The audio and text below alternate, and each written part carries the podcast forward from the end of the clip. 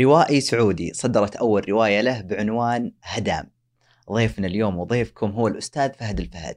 يقول عن نفسه أنه يعمل نهارا في إدارة المشاريع والقراءة ومغامرة الكتابة مساء. طبعا هو والد لطفلين حفظهم الله. تكلمنا في هذه الحلقة عن فهد الفهد ورحلاته الثقافية. يعني تخيلوا مثلا يقرأ آه، رواية تتكلم مثلا عن كافكا في براغ فيحجز تذكرة ويروح إلى براغ ويشوف التفاصيل اللي عاشها في الرواية. كذلك روما كذلك مدن كثيرة. حاولنا في هالحلقة نوصل أن القراءة هوية وليست هواية وكذلك أن الكتابة مغامرة, مغامرة شخصية لابد أن نخوضها لكن النشر آه، حكاية أخرى. وبما أن آه، كل حلقة في هذا الموسم نتكلم عن شخصية في الثقافة وفي الأدب ضيفنا آه، تكلم عن شخصية أثرت فيه خاصة في المجال الأدبي وفي أمريكا اللاتينية.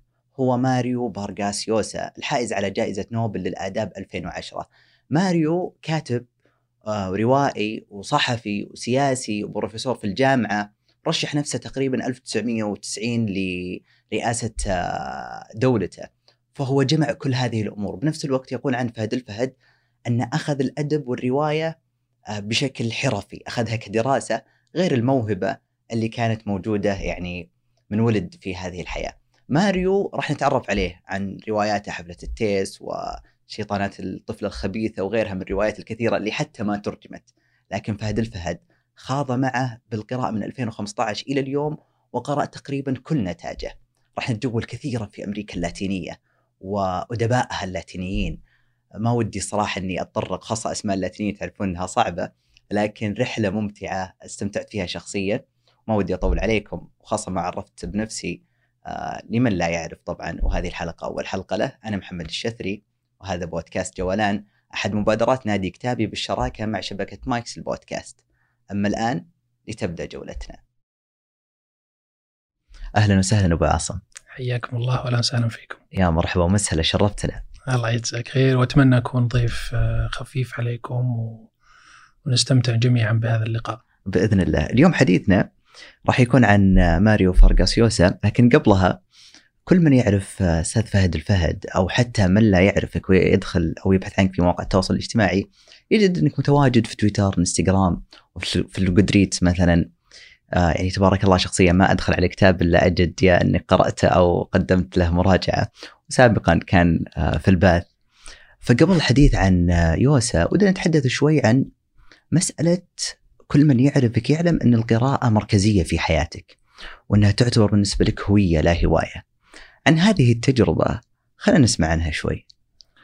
طبعا آه، يعني وجودي الآن للأسف أنا أعتبره قل كثير الفترة الماضية يعني بحكم الانشغال في الحياة إلى انشغال الحياة والانشغالات الحياتية هذه يعني قللت وجودي طبعا أنا بالنسبة لي أنا إنسان أرتب اللي هي وسائل التواصل بالنسبة لي. فأنا أشوف الجود ريدز هو البيت الأول جميل. بحكم إنه يعني موقع يجمع القراء مع بعض ويعطي مساحة للقراء اللي يعني تبادل الخبرات حول الكتب وحول يعني آه، آرائهم حول يعني كاتب معين أو كتاب معين.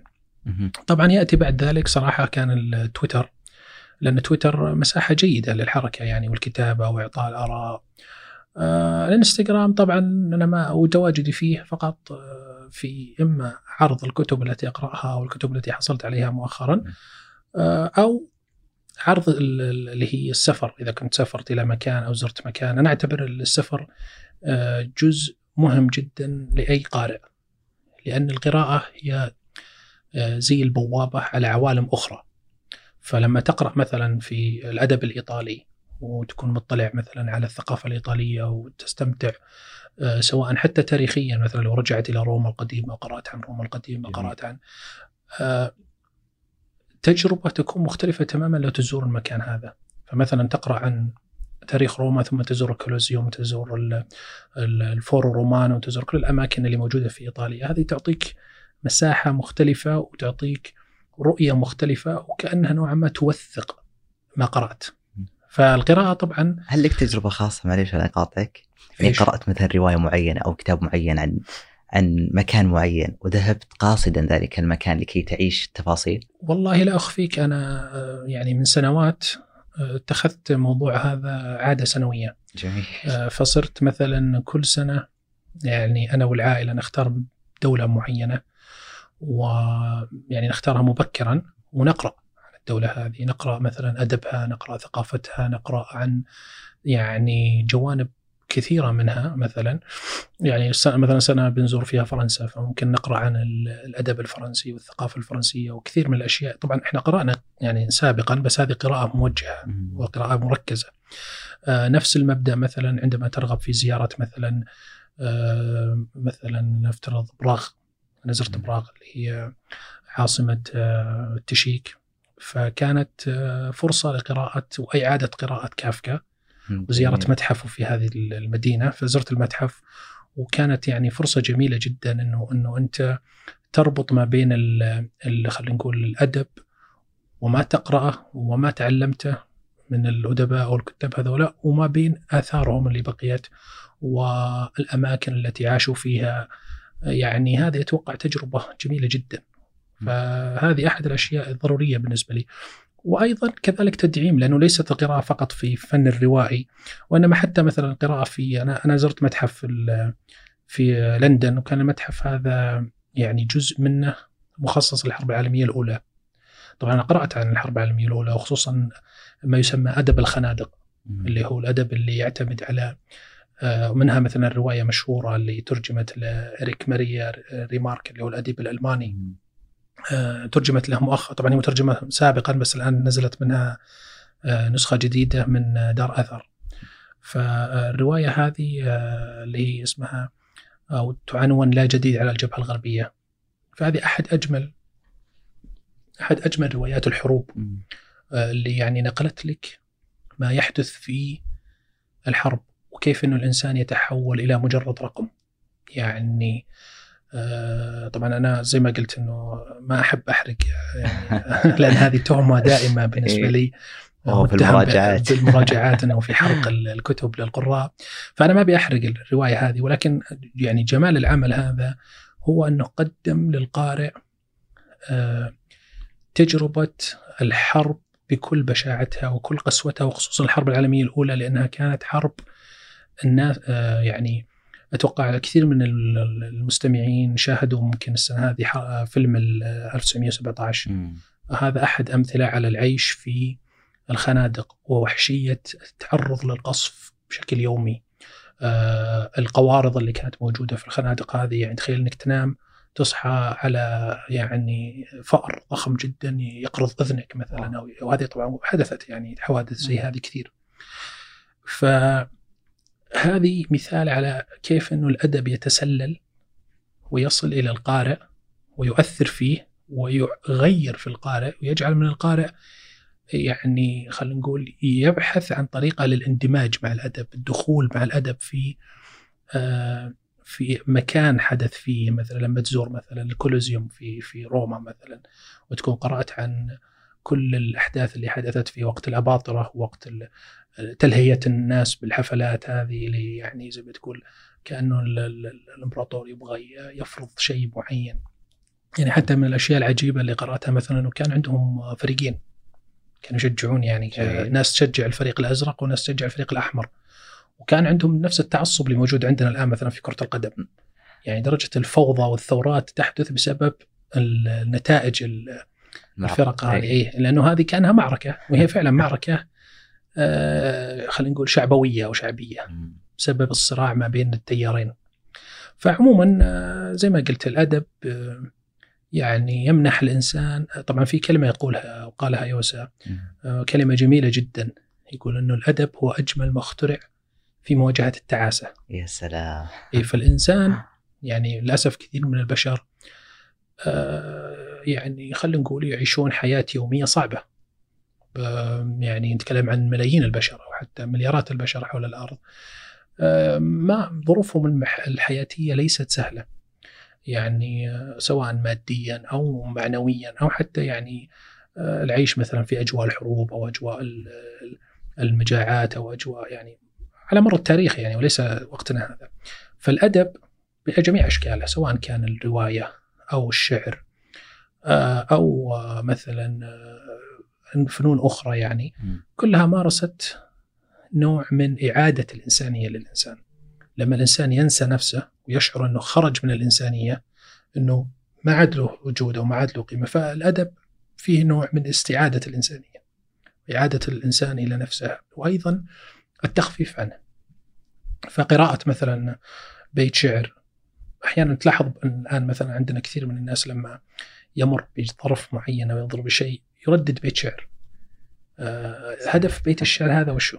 هدفه امتصاص الشعور بالوحدة إنه أنا وحيد إني أنا أمر بهذا الشيء وإنه ما في أحد غيري قد مر فيه لا يعني الكثير مروا بهذا الشيء أحدهم الشخص هذا اللي قال البيتين هذه يمكن ما قبل الإسلام يعني يمكن على أيام زمن الشعر القديم اللي هم القيس أو يمكن يكون اللي قال البيت هذا الفرزدق أو جرير أو كلهم مروا بالظروف اللي أنت مريت فيها. كلهم مثلا عانوا من فقد حبيب أو عانوا مثلا من آه، ظلم أو عانوا مثلا من آه، فقر أو عانوا من يعني أشكال مختلفة جدا من آه، الظروف واستطاعوا التعبير عن هذا الظرف وتركه للأجيال القادمة لتأتي تقرأه وتتعزى فيه. فهو جزء من الأدب إنه يعني يطبطب علينا خلينا نقول. هل في بيت شعري يطبطب على أبو عاصم؟ والله أنا للأسف يعني هذه طبعا هي مواهب من الله سبحانه وتعالى للناس يعني فأنا من الناس اللي يعني ذاكرتي جيدة في جوانب وسيئة في جوانب أخرى فتجد إني يعني أحفظ أسماء شخصيات في روايات قرأتها مثلا من يمكن 20 سنة 30 سنة ما زال الاسم حاضر. اي لكن آه الأبيات تجد إنه آه لأن طبعا أبيات جميلة وكثيرة يعني أتكلم عن أمة هي أمة شعر. فالشعر بالنسبة لنا إحنا من من ما قبل ال يعني من الزمن ما قبل الإسلام إلى اليوم والشعر هو ديوان العرب. فإحنا إحنا إحنا قوم يعني آه، فطرنا على محبة الشعر ومحبة الشعراء والتغني بأبياتهم سواء ذاك الوقت الفخر فيها أو التعزي فيها. آه، ففي أبيات كثير صراحة. طبعا أنا المتنبي بالنسبة لي من الشعراء اللي دائما آه، يعني أبياتهم فكان في بيت حتى ذكرته في الكتاب يعني اللي هو آه، وسوى الرومي خلف ظهرك روم فعلى أي جانبك تميل هذا البيت يعني آه، كان ذكرته يعني حتى أنه جاء جت مناسبة له في الرواية فذكرته يعني. فهذه أحد الأبيات اللي يعني أتذكرها دائما.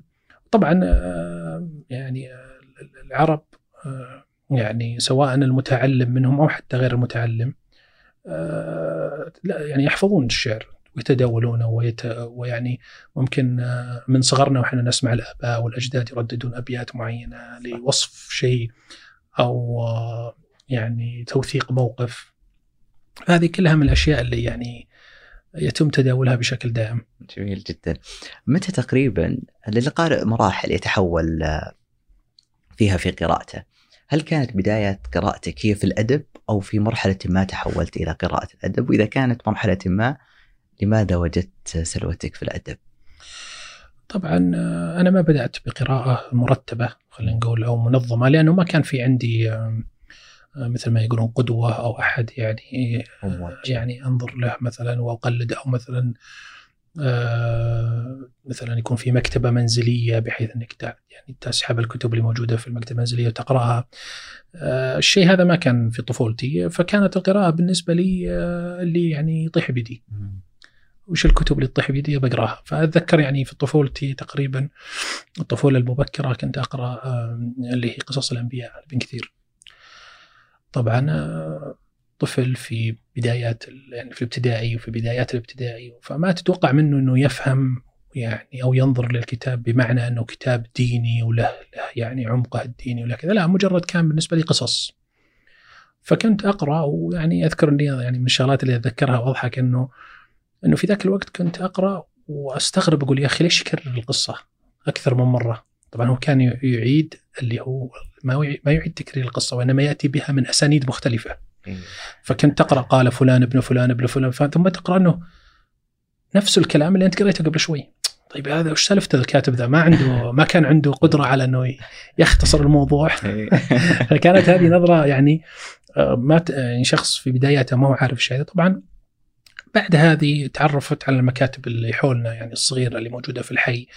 ومكاتب يعني يعني في أحسن أحوالها فقيرة. يعني نتكلم فترة بنهايه الثمانينات يعني. فكانت آه، مكتبات فقيرة يعني ما تحصل فيها إلا يعني القليل جدا جدا من اللي هو خلينا نقول الأدب العربي الموجه للناشئة. يعني ما تحصل مثلا أدب عالمي أو أدب يعني الأشياء هذه ما كنت أعرفها يعني. طبعا هي الموضوع تراكمي. تقرأ أنت ثم تخرج من من عباءة مؤلف إلى عباءة مؤلف آخر ثم المؤلف الآخر هذا يسلمك.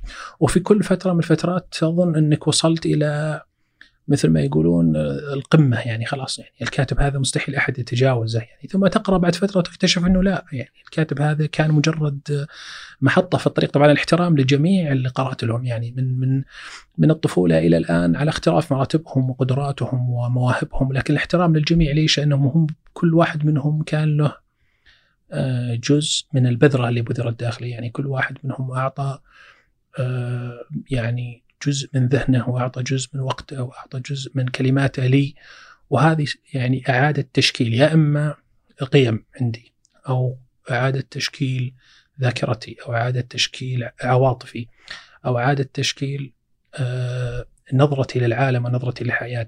طبعا مع الوقت الإنسان يبدأ يخرج من الأدب أحيانا وهذه طبعا مرحلة لازم يمر فيها الجميع إنه يصل إلى مرحلة يقول لك يبدأ يقرأ في خارج الأدب. يقرأ في الفلسفة وفي الفكر وفي العلم وفي جوانب أخرى ثم يبدأ يعني كأنه ينظر للأدب باحتقار شوي. يعني كان الأدب مجرد آه، تمضية وقت أو تضييع وقت. ثم لاحقا يكتشف ما اكتشفه كثير من الكتاب الكبار اللي يعني كتبوا كتب مثل يعني أومبرتو إيكو مثلا. أومبرتو إيكو كان يكتب آه، في السيمياء اللي هي تخصصه علم السيمياء أو علم العلامات. ولكن مع الوقت وجد أنه يعني يحتاج إلى انه يعبر عن نفسه ويعبر عن نفسه بطريقة أقرب للقارئ. فاتجه إلى كتابة الرواية فكتب مثلا اسم الوردة كتب آه، باودولينو كتب آه، بندول فوكو وكثير من الروايات له يعني اشتهرت يعني. طبعا أشهرها اسم الوردة. آه، وكذلك يعني بتجد أنه يعني ميل ميل يعني هذا الميل الموجود عند الشاعر إلى تجربة كتابة الرواية. ميل مثلا بعض العلماء أو بعض المفكرين أو حتى يعني لو تلاحظ فولتير مثلا على إنه فيلسوف بس كتب قصة. طبعا بعضهم يمكن يأخذ القصة على مبدا إنه آه، نوع من العبرة أو العظة يبغى يعبر عن فكرة. وفي النهاية كتابة الرواية أو كتابة القصة القصيرة هي عبارة عن رغبة الكاتب في التعبير عن فكرة معينة في ذهنه من خلال قصة. عشان كذا تلاحظ الرواية كانت في بدايتها يعني كأنها قصص وعظية الروايات القديمة جدا يعني نتكلم كأن فيها نوع من العظة والعبرة وكأنه ال ال ال الكاتب ما عنده ذيك القدرة على أنه يخفي ما يريد أن يقوله. مع تقدم فن الرواية نلاحظ أنه تحول ال ال الروائي إلى ما يشبه الحاوي الذي يظهر لك شيء ويخفي عنك أشياء. فتشعر انه وطبعا هذه من الشغلات اللي أنا أعجبت بسببها واعجبت بموضوع حلقة اليوم اللي هو آه، ماريو برغاسيوسا آه، إعجابي فيه لأنه رجل مثل الحواة. يعني درس وفهم أساليب الكتاب وتعلم من أساطين الكتاب اللي سبقوه. يعني تعلم من فوكنر تعلم من آه، فلوبير تعلم من هيوغو تعلم من كثير من الكتاب. وأخذ يعني أفانينهم وأعاد إنتاجها في أعماله. فاستخدم كثير من الأساليب وما اكتفى بالجانب هذا. يعني حاول دلالة الكاتب الشاب لكل هذا. ف آه، يعني ألف كتاب سماه رسائل إلى روائي شاب. جميل. إيه. رسائل إلى روائي شاب آه هذا الكتاب طبعا كان فيه شاعر ألماني آه، عفوا آه، إذا ما ابغاها إنه نمساوي بس باللغة الألمانية طبعا لأنه نمساويين من اصولهم ألمانية. فهو باللغة الألمانية فهو شاعر يظن إنه ألماني بس هو نمساوي. ألف قبل يوسا ألف كتاب اسمه رسائل إلى شاعر شاب. طبعا رسائل إلى شاعر شاب هذه كانت رسائل مرسلة إلى شاعر حقيقي. يعني كان في شاب شاعر ويرغب في كتابة الشعر. آه، ويحاول يتواصل مع اللي هو الريلكا ويتراسل هو وياه. فكان ريلكا يعطيه نصائح. فهذه النصائح عشر نصائح جمعت في كتاب وصارت رسائل إلى شاعر شاب. جاء آه، يوسا لاحقا وقرر أنه لماذا لا أقدم نصيحة إلى الروائي؟ طبعا هذه آه، يعني فيها آه، خلينا نقول تواضع منه ككاتب أنه فتح أو كشف الصنعة التي قام عليها فنه كلها للكتاب الشباب. وقال لهم جربوا حاولوا. ف طبعا هو كتب 12 رسالة. فال 12 رسالة هذه يعني آه، تكلم فيها عن آه، طبعا ذكر فيها العبارة الشهيرة هذه اللي قلتها في البداية إنه إنه الفن إن الرواية هي أفضل ما اخترع الإنسان لمواجهة التعاسة. وأيضا آه، شرح كل الفنيات وكل الجوانب التي هو تعلمها وحتى ذكر مصادر من أين جاء بهذه الفنيات. يعني مثلا كيف تتعامل أنت كروائي مع الزمن؟ الزمن في الرواية كيف تتعامل معه؟ هل مثلا تكون روايتك رواية خطية؟ تبدأ من زمن وتمشي مع الزمن وتتقدم كما كثير من الأعمال المشهورة يعني كثير منها عبارة عن روايات خطية. صح. يعني تبدأ في مثلا سنة معينة ثم تمضي سنة سنتين ثلاث وهكذا يعني تمضي بك السنوات وتمشي الأحداث بشكل معين. أم أنك تقول لا أنا مثلا سأفرض أكثر من خط زمني في الرواية. أنا مثلا سأقفز من الماضي إلى الحاضر. طيب إذا أعملت القفزات هذه هل في شيء أه تستثمره من خلال هذه القفزة لأنه فكرة القفزات الزمنية جميلة كفكرة ولكن تطبيقها يفترض أن تخفي وتكشف. يعني أنا ليش أقفز زمنيا من, من زمن إلى زمن؟ عشان مثلا أعيد ترتيب الحدث بطريقة تتوه القارئ قليلا ويكتشفها في نهاية العمل. فمثلا يكتشف أنه الشخص الذي في بداية الرواية كنا نظن أنه مجرم أو كنا نظن أنه شخص سيء أو كنا نظن أنه يعني القارئ طرح فيه ظنون كثيرة. نتقدم في الرواية فنكتشف إنه لا إحنا سأنا فهم سأنا فهمه لأنه في لعبة زمنية في العمل. طبعا هو ذكر أشياء كثير فأنا أنصح القراء يعني خصوصا الشباب المتحمسين للكتابة أو يعني يريدون أن يعني يظهروا مواهبهم في كتابة أو آه يعني العمل على رواية جديدة إنه يطلع على الكتاب هذا ومن أفضل الكتب اللي يعني أعطت وصغير جدا يعني نتكلم عن كتاب صغير حدود حدود 120 صفحة أو بالحدود هذه. ويعطي أفكار عامة عن كيف تبنى الرواية ما هي الأساليب اللي استخدمها كبار الروائيين زي فلوبير زي فلوكنر زي آه، كثير من الروائيين الآخرين ذكروا ذكرهم المؤلف وأشار لهم إشارات يعني وأشار إيش اللي اخذها منهم. هذه أحد الجوانب الجميلة صراحة عنده عنده هو ككاتب.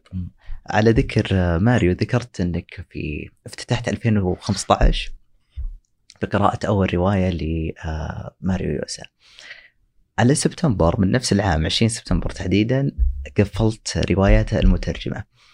عن ذكر هذه التجربة تسعة شهور مكثفة لقراءة تقريبا كانت تسع كتب أو بصحح هنا معلومة. إيه، تفضل. آه طبعا أنا بديت في قراءة 2015 أتوقع أنك تقصد اللي هي رواية The Time of the Hero اللي هي زمن البطل. البطل. إيه. طبعا هذا الاسم الإنجليزي طبعا إيه. اسمها في ال في ال البطل المتكتم أو لا لا لا لا. بطل متكتم هذه رواية أيه. أخرى. هذه متأخرة متأخرة.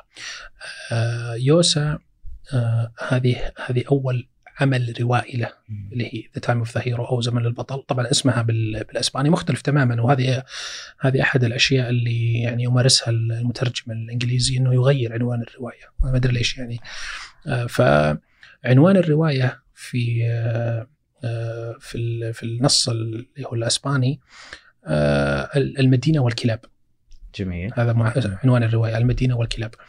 طبعا يوسا قبل هذه قبل الرواية هذه كتب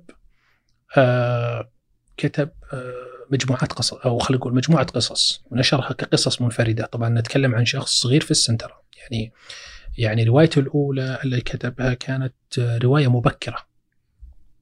وهي أول عمل له ويستعيد فيها تجربة صعبة بالنسبة له. واحد الشغلات أو التجارب اللي صنعت يوسا ككاتب إحنا نعرفه. الرواية طبعا كانت عن تجربته في اللي هي الأكاديمية الأكاديمية العسكرية. طبعا آه، أنا عشان أقدر أتكلم عن الكتاب هذا أحتاج أرجع شوي في الخلف وأتكلم عن يوسا كشخص طبعا نلاحظ إنه هو ولد آه وأثناء فترة يعني الحمل فيه كانت أمه وأبوه انفصلوا. كان في انفصال بين أمه وأبيه. وهذا الانفصال آه أخفي عن الابن اللي هو يوسف بعد ولادته يعني وخلاص يعني صار طبعا أبوه اختفى يعني آه تم الانفصال أبوه تركهم وراح يعني. فمرت السنوات ويوسا يعيش مع جده لأمه وينظر له على أنه آه يعني خلينا نقول هو يعتبر إنه طبعا كانوا معطينا قصة كذا ملفين له قصه من عندهم. أوه ما قروا الحقيقة. لا ما اخبره ما حد أخبره بالحقيقة. يعني ما قيل له إنه ترى أبوك كان بطل حرب وسقطت في الطائرة ومات. ومات. رحمة الله عليه. فهو خلاص يعني تقبل الفكرة هذه. طبعا عاش مع مع تعرف واحد يعيش عند جدة يعني الحياة تكون أسهل بكثير يعني. جدا. إنك تعيش عند الأب اللي هو يعني تربيه وما التربية والضغط و... الجد يعني أخذ الموضوع حبابة و... حفيدة. يعني وأنا حفيدة وخلي الأمور تمشي. وما ما في أي مشاكل. فهو آه يعني عاش طفولته آه بطريقة معينة مدلل وحيد طبعا أمه ما عند أمه ما عندها يعني ما تزوجت بعد بعد الوفاة المختلقة لوالده. طبعا مرت السنوات آه لما صار عمره عشر سنوات آه طبعا هم راحوا عاشوا فترة في بولي في بوليفيا. وهذه يعني أشار لها إشارات في روايته اللي يعني جاءت بعد لاحقا كان اسمها آه اللي هي الخالة جوليا وكاتب السيناريو. طبعا هذه لم تترجم للعربية لم تترجم. قرأتها السنة هذه يعني قراءتي لها قريبة في هذه الرواية طبعا يعني هو كأنه اعاده سيره ذاتية له. يعني كأنه يكتب عن نفسه في الرواية. وهو فعلا كتب عن نفسه في الرواية هذه ولكن مزج فيها نوع من الكوميديا. نرجع إلى قصته هذه إنه بعد ما تعرف على أبوه. بعد هو راح عمره 10 سنوات. ذهب إلى بوليفيا ثم عاد تفاجأ بالعودة إلى العاصمة البيرو اللي هي ليما. فلما عاد إلى ليما بشكل مفاجئ أخذته أمه إلى مكان معين الفندق وقدمته لشخص قالت هذا ولدك. شلون؟ فكانت صدمه كبيره له نفسيا وهذه احد الشغلات اللي إحنا لازم نعرفها في شخصيه يوسا اللي يعني طبعا لاحظ لاحظ صارت له علاقه مع والده الان وبدا يبني علاقه مع والده بس والده كان شديد ومن شدته هذه انتجت لاحقا نسميه الصراع الدائم عند يوسا ضد التسلط وضد السلطه بشكل عام وصار يكره التسلط والسلطة ويعني عنده نوع من رفض الشيء. هذا هذا شيء راح نلاحظه لاحقا لما نتكلم عن أعماله اللي جت بعدين. فهذا العمل آه طبعا آه عمره عشر سنوات تعرف على والده اصطدم مع والده كثيرا وصل إلى عمر 14 يعني لسه الولد ما زال. يعني ما زال مرحلة عندنا إحنا في المرحلة المتوسطة. أي. اكتشف ابوه انه يكتب شعر. أبوه اكتشف أن يوسا انه يوسا يكتب شعر. فقال آه الولد راح من يدي خلاص. انتهينا. الولد راح. يعني. اي الولد هذا لا الولد هذا طبعا كتابة الشعر في نظر والده كانت تعتبر زي إنه الولد خلاص يعني؟ منقصة فيه ولا شو؟ ما هو منقصه يعني كأنه الولد صار ناعم. آه. آه فقام قال ما في يدخل عسكرية الحين. أوه. فأرسل إلى الأكاديمية وعمره 14 تخيل. فذهب إلى الأكاديمية ودخل الأكاديمية وهذه الأكاديمية هي اللي جعلها مسرح روايته الأولى. شوف يعني إنه كيف التأثير النفسي عليه آه إنه طبعا رجع لاحقا وأكمل دراسته. آه فلما قام كتب اللي هي الرواية رواية اللي إحنا قلنا اسمها المدينة والكلاب. وهذه الرواية آه تصف تجربة شخص داخل الكلية العسكرية وتصف إنه طبعا معروف عن العسكرية دائما إنها يفترض فيها إنها مصنع للرجال إنها عبارة عن مصنع للرجال صح. بكل بساطة لأنك أنت تاخذ تأخذ شاب غض الإيهاب من بيت أهله وتعرضه للتدريبات القاسية القوية المؤلمة الشاقة وتفرز كل الطلاب اللي موجودين وتستبعد الضعيف وتستبعد ولا يبقى ولا يتخرج ولا يعني يحصل على الرتبة العسكرية إلا من يصمد. وفعلا يعني زي يتحول إلى شخص يعني خلينا نقول إنسان آخر. يعني المفروض أنك أعدت صناعة الشخص هذا. فهو ذهب إلى هناك. كل اللي وجده كان عبارة عن انضباط ظاهري تفسخ وتحلل داخلي. فكتب الرواية عن الجانب هذا إلى درجة أن الرواية هذه أغضبت الجنرالات اللي مسؤولين عن الأكاديمية. ف آه، اشتروا ألف نسخة وأحرقوها داخل الأكاديمية. يعني هذه كانت ردة الفعل الرسمية عند الجيش البيروفي. وأيضا كانت عندهم فكرة أنه لا أنه الكاتب أنه هذا الكاتب الجديد لاحظ أنه كاتب لأول مرة يكتب. صح. فقالوا صغير السن كان يعني. اي صغير في السن. يعني نتكلم عن يعني تقريبا دخل العشرينات أو باقي. عمره 27 خلينا نقول 27 ف نظرة الجيش كانت إنه هذا مدسوس. هذا أكيد مدفوع من الإكوادور الدولة المجاورة إيه. اللي تعتبر لها كعدو يعني. فيوسا خلينا نقول إنه كان كان عنده تمرد تمرد غريب يعني. طبعا تمرده هذا ظهر في عدة مواقف أو أشياء حدثت له في يعني في حياته. فمثلا ذكرنا في البداية أنه آه، طبعا صدامه مع ابوه دخل العسكرية وبعدين خرج كتب رواية. طبعا قبل ما يكتب الرواية هذه قال لك كتب الرواية هذه وعمره 27 الشاب كان عنده رغبة يعني لاحظ إنه دخل عمره 14 خرج من ال ال ال الأكاديمية وعاد للدراسة. وكان يعمل في وظائف آه، إعلامية وظيفة إعلامية. آه، وكان يعني يحاول إنه يبني نفسه ويفرغ نفسه للكتابة.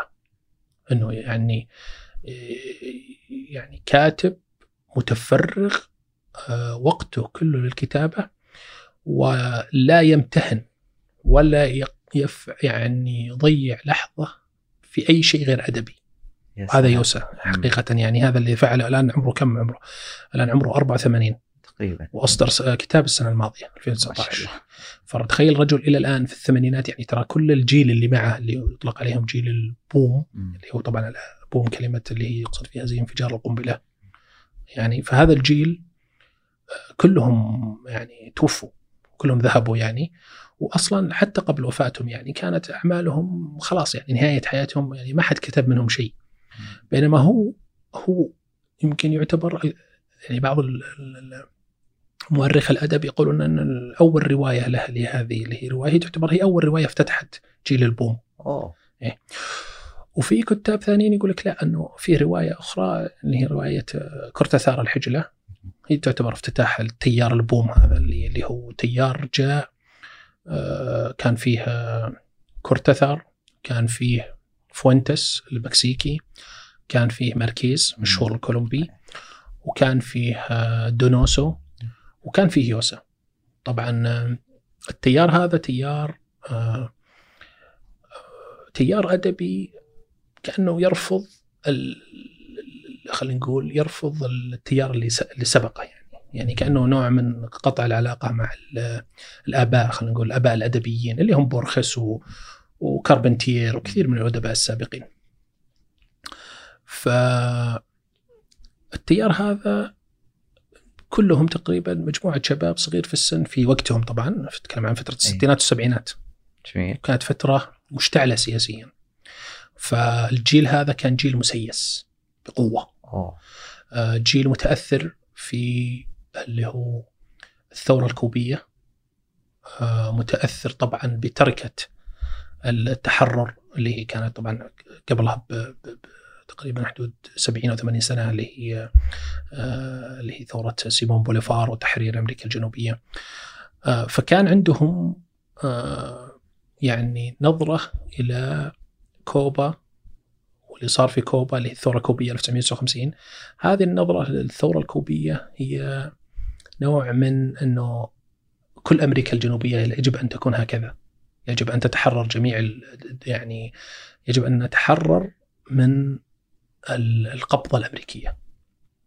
إلى درجة أنه أحد آه، المكسيكيين إذا من أبوه من رئيس من رؤساء المكسيك أو شخصية مكسيكية يعني معروفة يعني قال كلمة مشهورة جدا. قال آه، يعني يعني يرثي بلاده المكسيك يقول آه، فليرحم الله المكسيك فإنها بعيدة عن الله قريبة من أمريكا. وهذا طبعا لو تلاحظ إنه مثلا أحد الكتب المشهورة حقت جاليانو اللي هو إذا هو كان جاليانو اظنه جاليانو اللي هو تكلم عن شرايين أمريكا اللاتينية. تكلم فيه عن ما مرت فيه أمريكا أو اللاتينية أو أمريكا أمريكا الجنوبية وامريكا اللاتينية. ما مرت فيه من آه خلينا نقول يعني انقلابات وحروب ويعني تغييرات كثيرة طبعا من الجار الأمريكي الذي هدفه كان طبعا الحفاظ على أنه القارة مقسمة وتكون يعني تحت تحت يعني السطوة والقوة الأمريكية. ولذلك كانت العلاقة دائما بين الأمريكيين والأمريكان الشماليين. كانت علاقة متوترة دائما وتلاحظها في الأفلام وتلاحظها إيه. في الأدب وتلاحظها في كذا. يعني حتى التسميه يعني يسمونهم gringos اللي هو ال gringo أو الامريكي الشمالي فكوبا كانت هي يعني خلينا نقول الشرارة اللي بدأت فيها لاحظ إنه 1959 أي. كانت هذه شرارة آه، شرارة الثورة اللي قام فيها كاسترو فيدل كاسترو و آه، كان في تخوف شديد من الأمريكان إنه تمتد يعني شرارة الثورة هذه وتتحول أمريكا الجنوبية كلها إلى يعني دول تابعة للاتحاد السوفيتي يعني تكون دول شيوعية. فكان فيه ضغوط كبيرة يعني. فلذلك كان كل أدباء ال Boom آه، موالين للكوبا ومسيسين وبقوة. وأدبهم كان أدب آه، مختلف التوجهات. يا أما مثلا روايات ملحمية مثل روايه آه، اللي هو يوسا اللي كانت حرب نهاية العالم. إيه. كان في روايات أخرى مثلا اللي هي طبعا هذا صنف من أصناف الرواية امتازت في أمريكا اللاتينية. ويعني أتوقع أنه نادرا ما ستجد دول أخرى تكتب في الصنف هذا مع أنه صنف يعني كثير من الدول يجب أن تكتب عنه اللي هو صنف رواية الدكتاتور. آه أمريكا الجنوبية مثلا لو تلاحظ كان في زي التنافس أنه كل أديب من ادباء أمريكا اللاتينية ينتج رواية دكتاتور، رواية تأخذ سيرة سواء دكتاتور حقيقي أو متخيل. و يعني تسرد كيف يعني آه تعيش البلاد تحت ظله وكيف إنه مثلا آه النهب الذي تتعرض له البلاد في مثلا يعني زي مثلا يوسا اختار حفلة التيس. حفلة التيس كان طبعا اللي هو آه، اللي هو الدكتاتور الدومينيكان. طبعا الدومينيكان تقريبا نصف جزيرة. يعني في جزيرة أي. مقسومه نصين النص منها الدومينيكان والنص الثاني هايتي. فكان فيها طبعا آه، اللي هو تروخيو هذا اللي هو دكتاتور في ذيك الفترة. و آه، يعني روى يوسا قصة هذا الدكتاتور واغتياله. يعني انتهت كيف انتهت حياته بالاغتيال. برواية رائعة جدا وممتعة جدا يعني من أجمل ما قرأت يعني من أدب أدب الدكتاتور خلينا نقول. طبعا أنا قرأت هذه الرواية وفيه طبعا يعني آه، ماركيز كتب كذلك كتب رواية خريف البطريرك. آه، فيه طبعا آه، أسبق منهم أستورياس. أخذ أخذ نوبل أستورياس. أستورياس كتب السيد الرئيس. طبعا آه، موجودة ومترجمة. وكل الثلاث هذه مترجمة. وفي روايات أخرى لم تترجم. مثلا كاربنتيه كتب Reason of State يعني أتوقع هذا عنوانها وكذلك آه، آه، في روا كتب I, the Supreme فيعني طبعا هذه هذه هذا على قولتهم هذه العناوين اللي أتذكرها في عناوين أخرى كتبت عن هذا النوع من الأدب. في في الأدب العربي أنا ما ما شاهدت يعني أو ما قرأت روايات كثيرة تتكلم عن الجانب هذا. ممكن للرواية واحدة لكاتب مجهول آه، اسمها عالم صدام حسين. وهذه الرواية يعني كتبها المؤلف باسم مستعار ونشرت الرواية ما قبل. سقوط بغداد يعني ما قبل سقوط صدام حسين فهي فهي تروي قصة صدام حسين من من نشأته حتى حدود عام 2002 أوه. ما قبل ما قبل السقوط أو الاحتلال. الأمريكي. آه في رواية أخرى برضو صدرت مؤخرا كانت ل ياسمين خضراء اللي هو روائي جزائري. والرواية هذه آه، كانت عن الليلة الأخيرة اللي اسمها الظاهر الليلة الأخيرة للرئيس تتكلم عن الليلة الأخيرة للقذافي فيمكن هذه الروايتين فقط اللي أتذكرها اللي عالجت موضوع الدكتاتور في في الأدب العربي. قد يكون هناك أعمال أخرى أنا غير ملم فيها. فهذه هذه الأعمال اللي طبعا إحنا تكلمنا عن اللي هو خلينا نقول تيار البوم. وذكرت أنا أسماء بعض كنت بسألك عن كيف تشوف أو لماذا تميز الكتاب اللاتينيين عن الكتاب العالم بشكل عام؟ هل هي لتجربتهم الفريدة؟ ناحية يعني لهم 15 سنة في خضم صراعات وأحداث إلى أن شكلتهم يعني إلى هذه المرحلة؟ أه، طبعا هي جزء من جزء من الشيء هذا، طبعا أه، أنا أنا أشوف إن في شيء نستطيع أن نقول عنه أه، يعني تمر فترات على الأمم أو على الحضارات أو على الثقافات وتكون هذه الفترات هي فترات تنافس، تنافس شديد.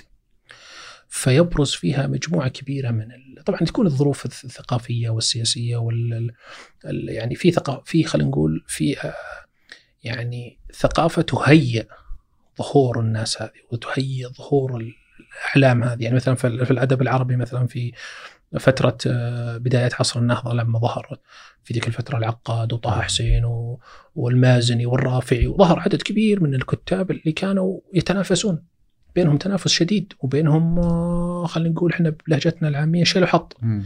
نفس المبدأ مثلا آه، الأدباء اللي في أمريكا اللاتينية كلهم ظهروا زي التيار أو الموجات.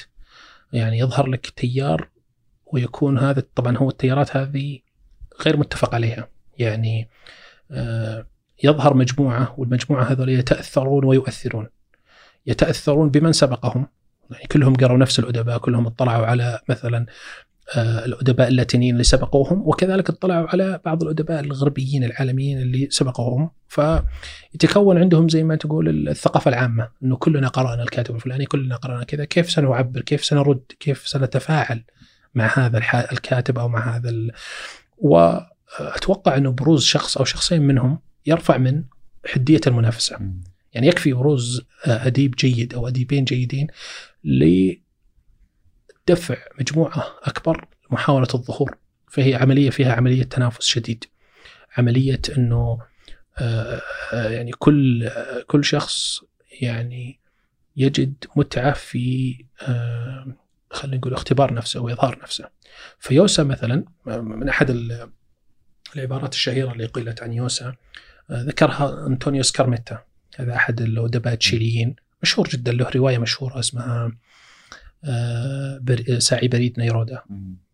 آه، ذكر في مقدمة ساعي بريد نيرودا أنه أحد الأشياء التي دفعته للكتابة يعني كان كسول هو الرجل يقول يعترف يقول أنا كسول جدا. ولكن أحد الأشياء اللي دفعتني يوسا.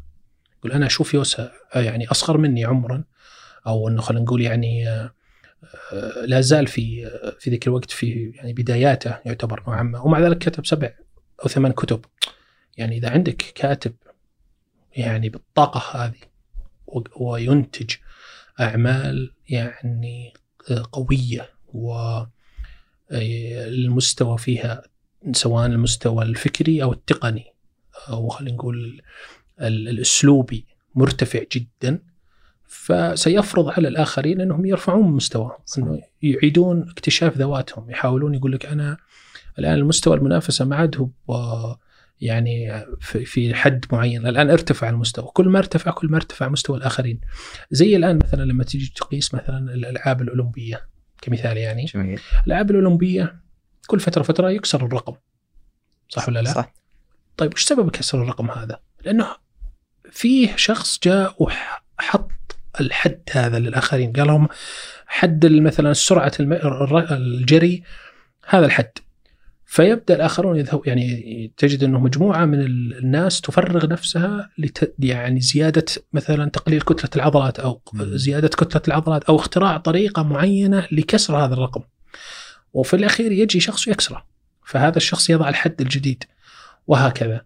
فتجد أن التنافس كل ماله يرفع. يرفع الآخرين يرفع ال ال ال الحد اللي تشوفه قدامك. لكن لو ما كان فيه مثلا يعني مثلا لو أتينا إلى مثلا دولة من الدول ويكون الأدب فيها ضعيف جدا. وجاء شخص وكتب رواية واحتفي فيها والناس قالوا ما شاء الله يعني هذا كاتبنا الكبير والى آخره إلى آخره. في النهاية هو يمكن يكتفي بالكتاب هذا أو بكتابين بالكثير ويقول لك خلاص أنا أنا يعني وصلت. أنا وصلت. أنا صرت أستضاف في كل مكان والكل يتكلم عني والكل يتحدث عني. لكن لما يجي ويجد قبله مثلا 30 40 روائي وكل واحد منهم عنده أعمال كثيرة فهو يجد أنه فرصته للظهور أو فرصته لصناعة عمل فارق يعني يحتاج إلى تحدي كل السابقين له والمعاصرين له.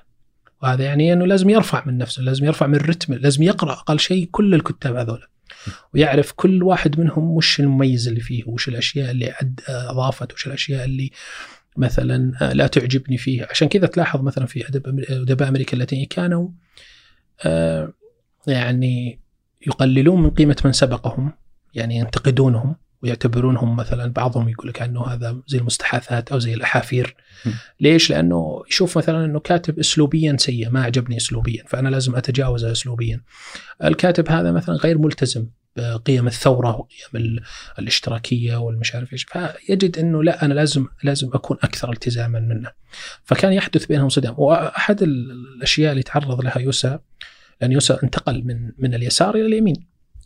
يوسا كان يساري وكتب رواياته الأولى آه، بروح أو نفس خلينا نقول. طبعا يوسا يكره التسلط. عشان لهذا ترك تجربة الوالدة اي لهذا ترك اللي هم لما شاف يعني هو في الأخير الرجل بدأ التغير بالنسبة له من فترة الثمانينات. يعني نلاحظ إنه فترة الس... يعني كان له مقولة في أنا حتى سجلتها لأنه أبي أقولها يعني مقولة له ألقاها عام 1967 في كان في 1967 7 67 المقولة هذه كانوا مستضيفينه في في فنزويلا. كان فيها آه، جائزة تقدم له هو كشخص. وكانوا مستضيفينه فجاء الرجل يعني وألقى خطاب محرج للمستضيفين له لأن المستضيفين له ما كانوا يعني ثوريين أو عندهم إيه. نفس الفكر الثوري اللي موجود عند صاحبنا يعني يوسف في ذاك الوقت. فقال يعني يعني كيف يفسر أو يشرح الأدب لهم؟ يعني وش نظره؟ هو نظرته أنا يا يوسا وش نظرتي في الأدب؟ فكان يقول آه الأدب نار وخلال عشر عشرين أو خمسين سنة ستحل ستحل ساعة العدالة الاجتماعية في بلداننا كما حلت في كوبا. يعني هو الآن وضع لهم المثال ككوبا 1959 ثورة فيدل كاسترو طرد الشركات الأمريكية تأميم البلد تحويل البلد إلى آه، المشكلة اللي صارت لهم مع أمريكا اللي هي أزمة الصواريخ الكوبية إلى آخر هذه. فيقول كما كما حلت في كوبا آه، وستحرر أمريكا اللاتينية من النظام الذي ينهبها. مقصود فيه معروف من النظام الذي ينهبها. ومن الطبقات التي تستغلها ومن القوى التي تهي التي تهينها التي تهينها وتقمعها. الشخص اللي قال الكلام هذا بعدها بسنوات قليلة يعني ذهب إلى أمريكا كان عنده آه، يعني آه، خلينا نقول كان محاضر في احد الجامعات في أمريكا وهنا قرأ كتاب كتاب هذا لأحد طبعا هذه هذا يدلك على أنه يوسا قارئ نهم يقرأ في يعني جوانب وليس في الأدب فقط أو النظرية الأدبية أو التخصص الأدبي فقط. لا قرأ كتاب في في اللي هو الاقتصاد لأحد العلماء آه، كان اسمه فريدريك هايك. كتاب اسمه الطريق إلى العبودية. طبعا آه، فريدريك هايك وميلتون فريدمان وكل الأشخاص اللي يعني كانوا في ذاك الوقت يكتبون في الجوانب هذه ويتكلمون فيها عن آه، تحرير السوق. وانه آه، انه النظريه اللي هي النظرية الاشتراكية سيطرة الدولة على موارد الإنتاج. هذه نظريات كلها لن تنجح وكلها ستؤدي إلى زيادة العبودية بدل ما كان الشخص. طبعا هذه نظريتهم هم أو كلامهم هم إنه بدل ما يكون الشخص آه، سابقا آه، مستعبد من من رأس المال أو من صاحب رأس المال الآن صار مستعبد من الدولة. وطبعا هذه اللي ظهرت لنا إحنا شفناها طبعا في مثلا أدب جورج أورويل لما كتب 1984 وكتب مزرعه الحيوان. طبعا جورج أورويل نفس الشيء نفس المبدأ هو رجل كان يساري. آه يساري وأيضا عانى الرجل وعاش التجارب الصعبة وله كتاب جميل جدا عن تجربته القاسية في التشرد آه اسمه العيش متشردا في آه في باريس ولندن. هذه التجربة الرجل عاشها يعني ما, ما هو هو ملم وشاهد كوارث الرأسمالية بشكل يعني آه، الراسماليه خلينا نقول المتوحشة التي يعني ما فيها رحمة ولا فيها أي حقوق ولا فيها أي شيء. ولكن أيضا آه، جاته صدمة اورول أصيب بصدمة من اللي حدث في موسكو اللي يسمونها محاكمات موسكو الصوريه التي نظمها ستالين للرفاقه وقضى عليهم كلهم صار في تطهير تام في الاتحاد السوفيتي يعني فترة الثلاثينات. هذه أثرت في يعني عدد كبير من المثقفين في ذاك الوقت. وخلتهم يعيدون حسابات والنظر من جديد إلى آه، هل الوعد ب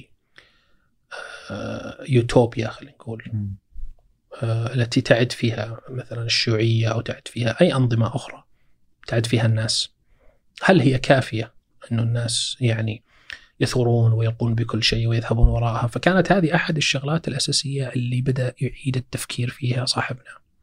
وانتج عام 1981 آه، روايته الشهيرة حرب نهاية العالم. حرب نهاية العالم هي رواية آه، اللي هم خلينا نقول آه، المتعصبين خلينا نقول أو رواية الناس اللي يعني آه، يعني رواية من أجمل ما قرأت طبعا. أنا أعتبرها هي أفضل ما كتب يوسا وهي عمله الأساس العمل الأساس بالنسبة ليوسا نهاية حرب يعني حتى هي روايته المفضلة يعني. وحرب نهاية العالم معتمدة على قصة حقيقية. يعني إحنا ما نتكلم عن آه، شيء يعني مختلق. لا لا قصة حقيقية. طبعا فيها نوع من نقول الإبداع الأدبي أو الاختلاق الأدبي لكنها في النهاية هي تحكي قصة شخص ظهر في البرازيل. الشخص هذا آه، يعني إنسان خلينا نقول متطرف دينيا آه، ضم حوله مجموعة من الناس. الناس هذول يعني تقدر تقول بعضهم كانوا تائبين. يعني كانوا مثلا بعضهم كانوا آه، قطاع طرق. أو كانوا مثلا آه، أشخاص آه، خارجين عن القانون أو عن النظام. أو ناس مثلا خارج أصلا المجتمع ككل يعني طبقات مسحوقة. فانضموا له كلهم وأخذهم إلى منطقة في في البرازيل وأنشأ هناك مدينة أو خلينا نقول قرية صغيرة اسمها كانودس. واسس هذا المكان ورفض الحكومة البرازيلية تماما. يعني ما لكم أي علاقة فينا. إحنا شعب ونعيش في المكان هذا وهو القائد الروحي للناس هذه. هذه القصة القصة الحقيقية ولا الرواية؟ لا القصة حقيقية. جميل. وهي نفسها الرواية. عشان ما نحرق عرفت الاتفاق في البدايه. لا لا ما في هنا هنا إحنا نروي حدث تاريخي جميل. طبعا الحدث التاريخي هذا حدث في, في البرازيل في فترة اللي هي القرن التاسع عشر فطبعا الحكومة البرازيلية ما راح تسكت على شخص يعني يعلن الخروج على الحكومة ويعلن كذا وكذا فأرسلت له يعني فرقة عسكرية صغيرة هدفها تأديب الناس هذول يعني في النهاية أنهم يعني شرذمتهم قليلون يعني. فأرسل لهم الجيش أرسل لهم يعني عدد محدود يعني أتكلم عن عدد محدود من الجنود وهزموهم. فالأحداث كل ما لها تتطور كل ما لها تتفاقم والحكومة كل ما لا يزيد تدخلها عسكريا. وبنفس الوقت أن تعاين التغيرات النفسية التي يمر فيها اللي هم أبطال القصة اللي هم خلينا نقول اللي هو الأب الروحي لهم هذا كلهم اللي هو كان اسمه انتونيو انطونيو كانسلييري أو كانسلييرو واتباعه و خلينا نقول حواريه اللي حوله. فأنت تشاهد كيف آه قد يواجه الإنسان الموت. لأنه مؤمن بشيء ما والجميع من كل من ينظر أو كل من يراه من خارج الأحداث يستسخف ويستسخف الشيء اللي هو مؤمن فيه والأفكار اللي يعني آه هو يعني خلينا نقول مؤمن بها إيمان تام وكامل. طبعا هذه أحد المواضيع المحببة عند آه الكتاب الغربيين لأنه تعرف يعني هم عندهم كل فترة وفترة تظهر طوائف غريبة يعني في في في أمريكا سواء أو في حتى في الدول أمريكا الجنوبية. تظهر طوائف غريبة جدا يعني كلت يعني عدد محدود من الناس يؤمنون بشيء معين.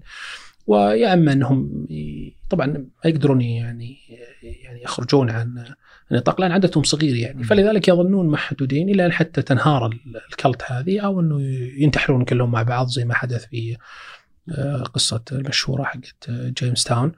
فهذه أحد الأمثلة اللي أظهرت بدء التغير عند صاحبنا. يوسع كيف أنه بدأ ينتقل من اليسار وبدأ ينظر إلى أنه حتى لما آه، بعد هذه الأحداث بتقريبا آه، تسع سنوات آه، كانت البيرو تمر بمرحلة معينة وقرر أنه هو يرشح نفسه للرئاسة. طبعا جميع محبي وقراء الأدب يقولون الحمد لله إنه ما استطاع إنه ما كسب. لأنه لو كسب لو كسب لو كسب في ذاك الوقت يعني قد يعني نفقد الأديب صح ويظهر لنا سياسي. طبعا الرجل تعرض إلى هجمة شرسة في ذيك الفترة لأنه كانت سياساته اللي يعني آه اللي طرحها كانت سياسات يعني غير محببة من الشعوب نهائيا اللي هي سياسات اللي يسمونها نيو ليبراليزم اللي هي الليبرالية الجديدة آه تحرير السوق تحرير الشركات يعني كثير من المميزات اللي كانت موجودة عند المجتمع وكثير من الأشياء اللي اكتسبتها المجتمعات بحكم الأنظمة التضامنية والتشاركية اللي موجودة هذه كلها راح كانت راح تفقد تحت إدارة الرجل لأنه يقول لك أنا أريد إعادة هيكلة الاقتصاد كاملا. وهذه إعادة هيكلة الاقتصاد مكلفة جدا معروف على يعني في كل مجتمع يتعرض لإعادة هيكلة تكون فيها نوع من التكاليف العالية على على المجتمع نفسه وعلى الناس نفسهم لأنه أن تمر مرحلة تغير أحيانا تلزم بها يعني. شيء يعني خارج الإرادة. فالرجل طبعا آه، آه، خسر السباق آه، واللي انتصر عليه شخص كان اسمه فيجيموري من البيرو. طبعا هو من البيرو لكنه أصوله يابانية. فألبرتو فوجيموري هو اللي انتصر في في السباق الرئاسي وتحكم البيرو فترة معينة ثم اتهم بالفساد فهرب. وهرب إلى اليابان آه. بلده الأصلي يعني. طبعا آه، أنا ما أتوقع إنه يوسا وفر الفرصة الفرصة لأنه كتب لاحقا كتب رواية آه اسمها طبعا ترجمت عربيا باسم شيطانات الطفله الخبيثة. شيطانات الطفله الخبيثه لها علاقة بهذا الحدث؟ ولا؟ لا بشكل مباشر لا. أي. ما في علاقة مباشرة. ولكن اللي اللي صنعه يوسا إنه آه في في احداث أحد أحداث الرواية هذه إنه طبعا هي كانت تتكلم عن عن يوسا نفسها ك ك يوسا عاش فترة من الفترات في باريس وكانت فترة مبكرة من حياته. فكان يعني خلينا نقول شاب آه، فقير وعايش في باريس آه، من أمريكا اللاتينية يعني ويحاول العيش ويحاول التفرغ للكتابة ويحاول كذا. وعنده عشق أو خلينا نقول حب لفتاة. الفتاة هذه طبعا كانت آه، تعرف عليها لما كان في البيرو. طبعا نتكلم إحنا عن بطل الرواية. حلو. آه، تعرف عليها في البيرو. والفتاة كانت تتظاهر بأنها من أصول تشيلية. يعني كأنها تنبذ يعني طبعا هذه المعزة المعنى أو المغزى اللي إحنا نحاول نستخرجه من الكتاب قد يعني نصيب أو نخطئ ولكن المقصد إنه هذه كأنها البيرو يعني تحاول أن تغير جلدها. كان يتكلم عن بلده ويحاول يغير جلده. لاحقا في الرواية طبعا هو الشاب هذا حبه للفتاة هذه آه، حب أعمى وحب يعني كل من قرأ الرواية يعني سينتهي إلى شتم البطل وشتم محبوبته. ليش؟ لأنه كل كلهم يعني آه، يعني تحس انه بالمعامين يقول يرفعون ضغطك. يعني أنت تحبها وهي ما تعطيك وجه. وتبهذلك كل فترة وفترة تجي ترجع لك وتتظاهر وكذا ثم تبهذلك وتخليك. وهكذا. تدور الأحداث تدور. فكانت ال...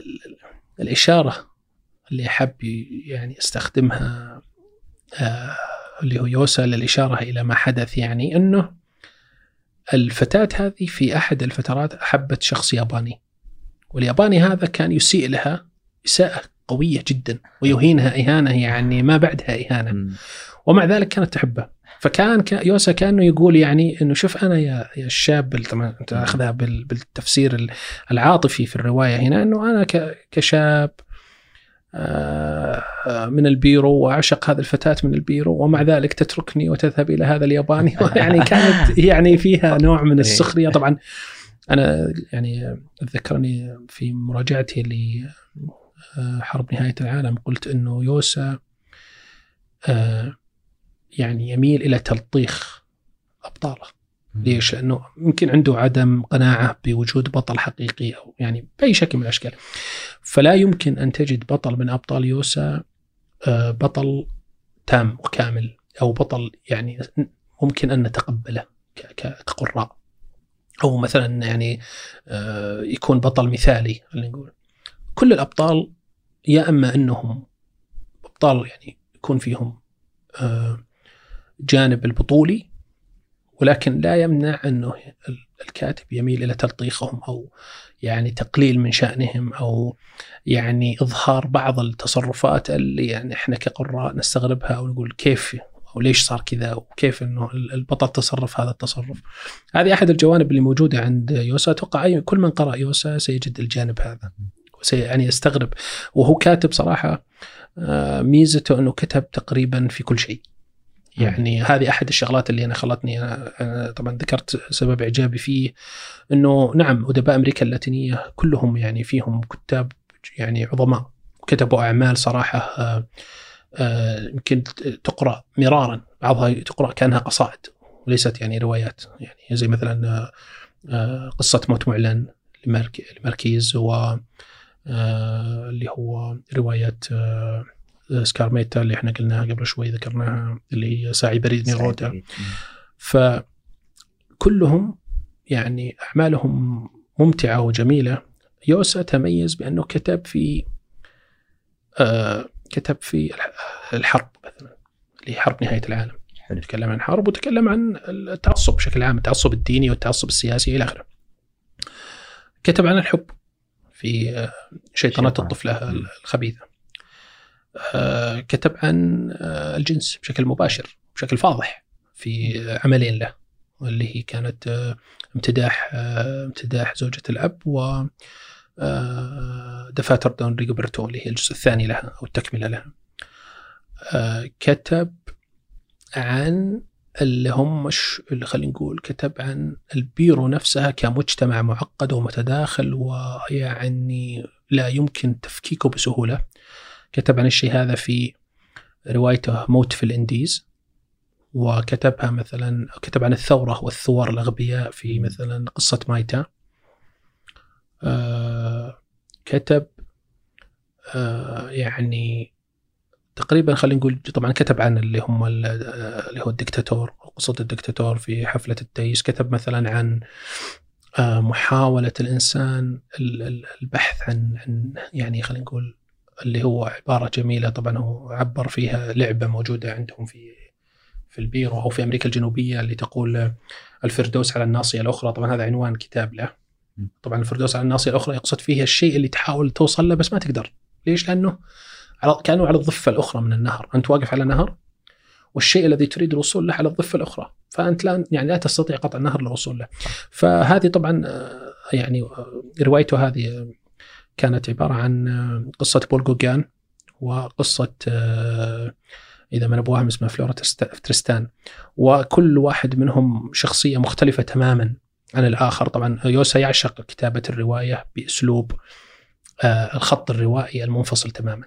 يعني تقرأ خط روائي تام وتمشي معه ثم تقرأ خط روائي آخر يعني كأنك تحصل على روايتين في رواية واحدة. ولكن هذول الروايتين في النهاية لهم مغزى أو التقاء معين أو لهم فكرة معينة. ومارس الشيء هذا كثير يعني في رواياته، كثير من الروايات استخدم فيها الأسلوب هذا. أسلوب الخط الروائي هذا استخدمه في آه، حفلة التيس. يستخدم ثلاث خطوط روائي ثلاث خطوط كنت بقول آه، خط روائي للدكتاتور اللي هو آه، تروخيو. خط روائي للشباب اللي كانوا يخططوا لاغتياله. والخط الروائي الثالث لفتاة آه طبعا ما إحنا ما نعرف آه، اللي سيقرا رواية يعني في البداية لا يعرف يعني هي جاية بعد أحداث الاغتيال ب 20 سنه. فهي فتاة تعود الآن إلى الدومينيكان كانت جالسة يعني كانت تعيش في أمريكا وعادت الدومينيكان الآن وتستعيد ذكرياتها وتستعيد ذكريات طفولتها في الدومينيكان والآن نشاهد الدومينيكان بعد 20 عام من مقتلة روخيو. ف آه، يعني هو كاتب يعشق خلينا نقول إنه الرواية تحتوي على أكثر من مسار. يعني يمكن هذا جزء من دفع الملل إنه يكتب في أكثر من مسار. آه كتب إحنا كنا نعدد قبل قليل اللي هي آه، طرق الكتابة عند أو خلينا نقول المواضيع اللي تطرق لها. الرجل كتب حتى في في, في خلينا نقول المهزله أو في ال في ال ال ال ال ال ما أقدر أقول كوميديا بمعنى كلمة كوميديا ولكنه كتب شيء يعني يشبه المهزله وهذا ظهر وبان في روايتين له. واحدة منها كانت اسمها بنتاليون والزائرات والثانية كانت روايته اللي هي جزء منها سيرة ذاتية اللي هي كانت العمة أو الخال العمة خوليا وكاتب السيناريو. هذا ترجمتي للعنوان لأنه يترجم الكتاب للأسف. آه هذه مثلا كانت جدا رواية جدا ساخرة والقارئ يضحك. طبعا هي تتكلم عن أحداث حقيقية مر فيها الكاتب في فترة لما كان عمره 19 آه الرجل آه التقى ب آه يعني خالة أخت زوجة خالة. معليش عد. إيه، يعني آه طبعا هم عندهم في في في آه خلينا نقول أمريكا اللاتينية أو حتى في البيرو وكثير من الدول عندهم تقليد إنه زوجة خالك حلو. خلاص تعتبرها زي الخالة. تقول خالتي. جميل إيه. هذه زوجة خالك فهي إيه، خالتك. خالتك أختها اللي نفس أيه. السن أو متقاربة في السن وكذا هي خالة برضه خالة. خلاص. خالتي. طبعا تخيل إنه الشخص هذا التقى بأخت آه زوجة خالة. خالة. إيه. وتزوجها. مم. وتزوجها من دون لاحظ أنها تكبر بسنوات الرجل عمره معرفة. 19 آه. عمره 19 ولكن آه، وهي كانت أكبر منه تقريبا بعشر سنوات أو أكثر شوي أو أقل شوي وكتب طبعا آه، تزوجها وعاش معها فترة وبعدين آه، افترقوا يعني آه هذا ال- ال- الزواج كان فضيحة في ذاك الوقت فضيحة للعائلة يعني بشكل عام فضيحة. على مستوى يعني خلينا نقول المجتمع ليش؟ لأنه في نظرهم إنه كأنك تزوجت خالتك آه. يعني شيء غير مقبول يعني صح. كعرفا وكذا في نظرهم فكانت المسألة فضيحة وغير أنه أصلا صغير في السن فهو يعني آه، ذكر أو جاب القصة هذه في روايته هذه وأيضا أضاف لها جانب كوميدي نوعا ما أنه آه، في شخصية كاتب والكاتب هذا آه، يعني استخدموه في البيرو ليكتب لهم مسلسلات مسلسلات إذاعية. كانت الفترة هذيك فترة آه، آه، يعني التلفز التلفاز لسه يعني ما له ما له لم يظهر أو لم يكن له قيمة كبيرة. يعني فكانت ال- ال- الناس يعني تضيع وقتها في المسلسلات ال- الإذاعية. طبعا مسلسل إذاعي مثل المسلسلات الآن زي نتفلكس وزي أوه. الأشياء هذه. الناس تتابع وتتحمس و وتوقت آه، توقت ال- ال- الوقت حقها على وقت المسلسل اللي يجي لأنك أنت تتابع قصة جميل. واحداث فالكاتب هذا جاء واستقدم يكتب ال- القصة هذه. و يعني آه، هو طبعا رجل كان آه، يعني ممكن يوسى يسخر من نفسه قليلا في الجانب هذا لأنه الكاتب هذا ملتزم جدا. ملتزم جدا جدا بالكتابة إلى درجة إنه لا يشرب قهوة ولا يشرب شاي ولا يشرب أي شيء ولا يعني كل أو يعني عنده 16 ساعة في اليوم كتابة يكتب. ويكتب أكثر من مسلسل في نفس الوقت. والرجل يضغط على نفسه ضغط يعني مهول.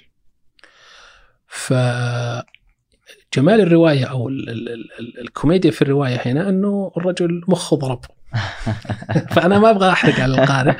فأنا أبغى يعني يطلع أو يقرا الرواية هذه إذا ترجمت بتيسير الله يعني. آه، لأنه صراحة يوسى للأسف أنا أشوف أنه كروائي يمكن لأنه عم- أعماله كثيرة يعني اللي كنت بسأل وش الرواية تقريبا المترجمة اللي طبعا ننصح فيها آه، القراء ال- ال- ال- خلينا نتكلم عن الكاتب اول شيء أنه كاتب آه، آه، يعني مكثر. ويمكن هذا أحد الأشياء اللي يعني آه، جعلت أنه ال- ال- ال- الترجمة له تكون يعني قليلة. ناقص. طبعا في جزء كبير يعني أو جهد كبير من آه، رحمة الله عليه صالح ألماني. آه، ترجم عدد آه، ممتاز من الأعمال لصاحبنا طبعا فيه له من الأعمال اللي خلينا نقول الأعمال اللي إحنا طبعا راح نقسمها لقسمين مهم. اللي هي الأعمال الروائية أو القصصية حلو هذه ترجم جزء منها مثلا ترجمت المجموعات القصصية اللي كتبها في البداية مم. اللي هي مجموعة ال- الجراء تسمى الجراء مم. وترجمتها هالة عبد السلام. طبعا ترجمة بمسميين ترجمت على أنها الجراء وترجمت على أنها الرؤساء. تجد العملين مت... بس كلها واحد هي عمل واحد. العمل الأول له قلت لك ما لم يترجم اللي قرأته اللي يتكلم عن أي. الأكاديمية هذا لم يترجم. العمل الثاني له اللي يعني طبعا عمله الأول آه، يعني طرح شهرة كبيرة له ككاتب لكن عمله الثاني حوله إلى خلاص نجم. في الساحة الأدبية. وحاز على جوائز وخلاص يعني الروائي دخل الساحة. آه، مو يعني تسيد الساحة في ذيك الفترة. العمل الثاني طبعا ترجمة رفعت عطفة آه، البيت الأخضر.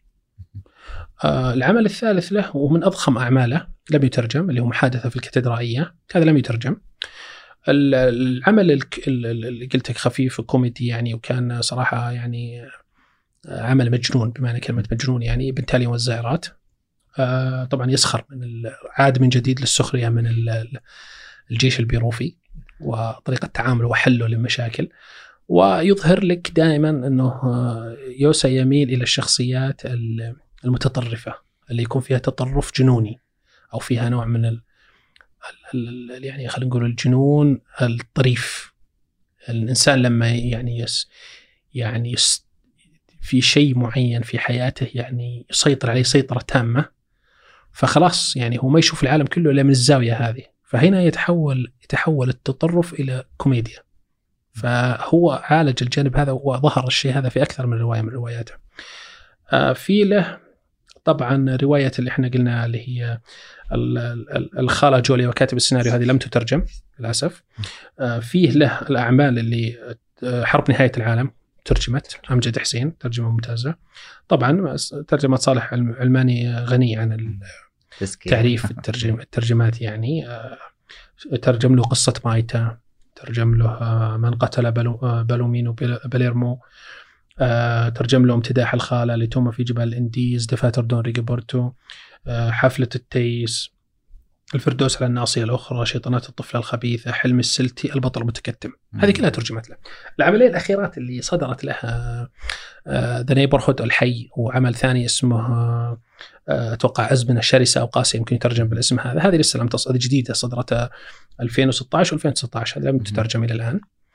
آه، طبعا هذه الأعمال الروائية. لاحظ إنه 20 ما شاء الله. إيه، هذه 20 أعمال روائية. آخر ما صدر منها 2019 الأعمال الأخرى الأعمال اللي هو تفرغ معليش للكتابه هي متفرغ للكتابه وطبعا فترات من حياته مرت كان فيها فترات يعني كان يعمل بجنون في فترات البداية يعني. تعرف الرجل متزوج عمره 19 لازم يدبر البيت وكذا. لكنه لاحقا تفرغ للكتابة تماما. وفقط فترات كان يلقي فيها محاضرات في بعض الجامعات يعني يكون مثلا زي زائر يعني مثلا فترة بسيطة يعني يزور مكان وكذا. لكن التفرغ تام للكتابة لدرجة أنه تذكر يعني أحد الأشياء اللي حدثت في باريس أنه أحد الأصدقاء زاره هناك في بيته. فيقول الرجل آه، جته فتاة جميلة جدا يعني دخلت عليه. طبعا لاحظ الرجل كان قاعد في باريس لحاله يعني طلق زوجته وخلاص يعني الآن متفرغ للكتابة. فيقول آه، جت عنده بنت والرجل جلس يكتب جلس يكتب. جت عنده فتاة جميلة جدا يعني لو مثلا في أخ أشخاص آخرين في ظروفهم لا يعني وقف الكتابة ويعني جلس يسولف مع البنت أو يعني أقل شيء يرفع عنها يعني. الرجل يعني العامية ما اعطاها وجه إلى درجه إنه الكاتب هذا يقول يعني بعد لحظات سمعت صفق الباب يعني إنها زعلت ومشت. قالت الشخص هذا ما راح يعطيني وجه يعني ما راح يتفاعل معي. الشخص هذا كأنه متزوج اللي هي الآلة الكاتبة تبعته ذاك الوقت. طبعا آه الكتب اللي اللي كتبها للأسف نتكلم عن الاعمال غير الروائية. طبعا هو ناقد من الدرجة الأولى. يعني الرجل آه إبداعه وقدراته الروائية يعني شيء وإبداعه وقدراته النقدية شيء آخر. يعني لما يكتب عن موضوع معين أو عن كاتب معين فهو يتشرب تشربا ويعيد يعني رسم وإظهار الموضوع اللي يبغى يطرحه عليك بشكل آخر، فالرجل كتب في السياسة وكتب في ال... كتب مقالات بشكل عام يعني أو كتب مقالات أدبية نقدية. طبعا آه، أول كتاب له ظهر في 1971 آه، كان آه، عن شخص يعني صديقه في ذاك الوقت. كانت الصداقة بينه وبين جارسيا ماركيز. فألف كتاب عن ماركيز. طبعا يعني رسالة دكتوراه عن ماركيز. جميل. طبعا كلها خمس سنوات وعطى ماركيز يعني قولون ثم يعني قصة مشهورة إنه آه، صار بينهم خلاف عام 1976 لاحظ إنه كتب الكتاب 1971 مرت خمس سنوات صار في خلاف بينه وبينهم. والى الآن ما يعرف إيش سببه وحتى ماركيز لم لم يفصح وش سبب الخلاف.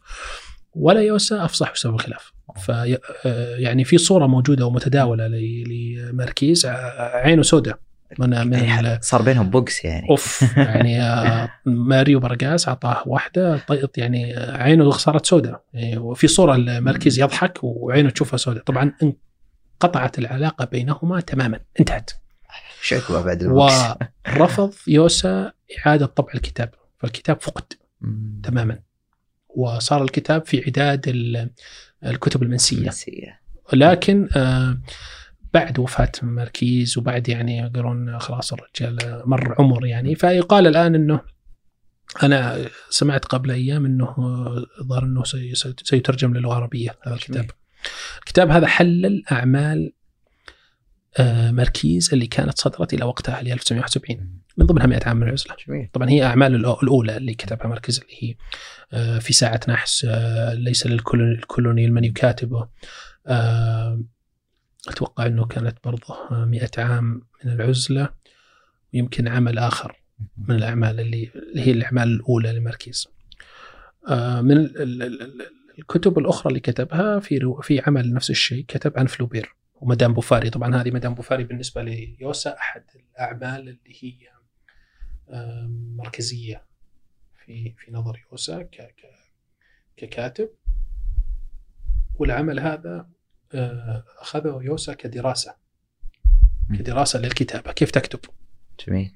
لأنه آه، آه، يعني مدام بوفاري استخدم فيه فلوبير يعني عدة طرق في رواية القصة. وتتبع يوسا هذه الطرق كيف روى فلوبير القصة وكيف كان ينتقل من زمان إلى زمان وكيف يغير الزاوية اللي ننظر منها للأحداث بطريقة أبهرت صاحبنا اللي هو يوسا فراح ألف عنه الكتاب هذا. آه، لاحقا نفس الشيء كتب كتب أخرى جمعت يعني في ثلاث أجزاء آه، كان اسمها آه، اللي هي كانت طبعا هي للأسف لم تترجم ترجمة كاملة حتى بالإنجليزي ترجم مختارات منها اسمها Making Waves هذه ترجم منها مختارات ولم تترجم كاملة هي عبارة عن مقالات له. آه، كانت ثلاث مجلدات في الإسباني أخذت أنتقي منها انتقاءات وترجمت للإنجليزي. طبعا العربي لم تترجم إلى الآن. ترجم له عمل واحد ترجمته بسمه محمد اللي هو الكاتب وواقعه. ناقش فيها الكاتب والكتابه طبعا نفس الشيء قلنا أنه ترجم له اللي هو رسائل روائي شاب ترجمة صالح علماني. هذه برضه جدا مفيدة. أنا أنا يعني أنصح أي كاتب يعني آه، يقرأ الكاتب وواقعه ويقرا رسائل روائي شاب يعني سيستفيد منها استفادة كبيرة جدا. آه كتب عن تجربته في في السياسة وعن طفولته أيضا في Fish in the Water سمكة في الماء.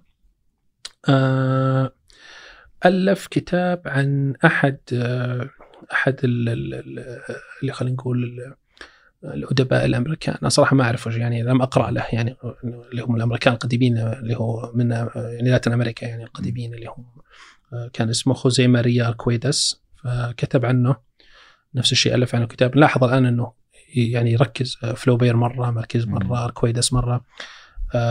ألف كتاب عن فيكتور هوغو والبؤساء. جميل. فالرجل يعني مثل ما قلت هو روائي وفنه له فنه الخاص وله طريقته في رواية القصة وله طريقته في النظر للعالم وبنفس الوقت هو يحتفي بالكتاب الآخرين. يا سلام. يحتفي ب ب ماركيز في 100 عام العزله يحتفي فيكتور هوغو في البؤساء يحتفي بفلوبير قلنا في مدام بوفاري يحتفل في اركويدس في أعماله اللي هي كانت ظهر إنه يعني كانت عنده زي الروايات القديمة اللي هي خلينا نقول الجيل ما اللي سبق اللي سبق صاحبنا اللي هو يوسا.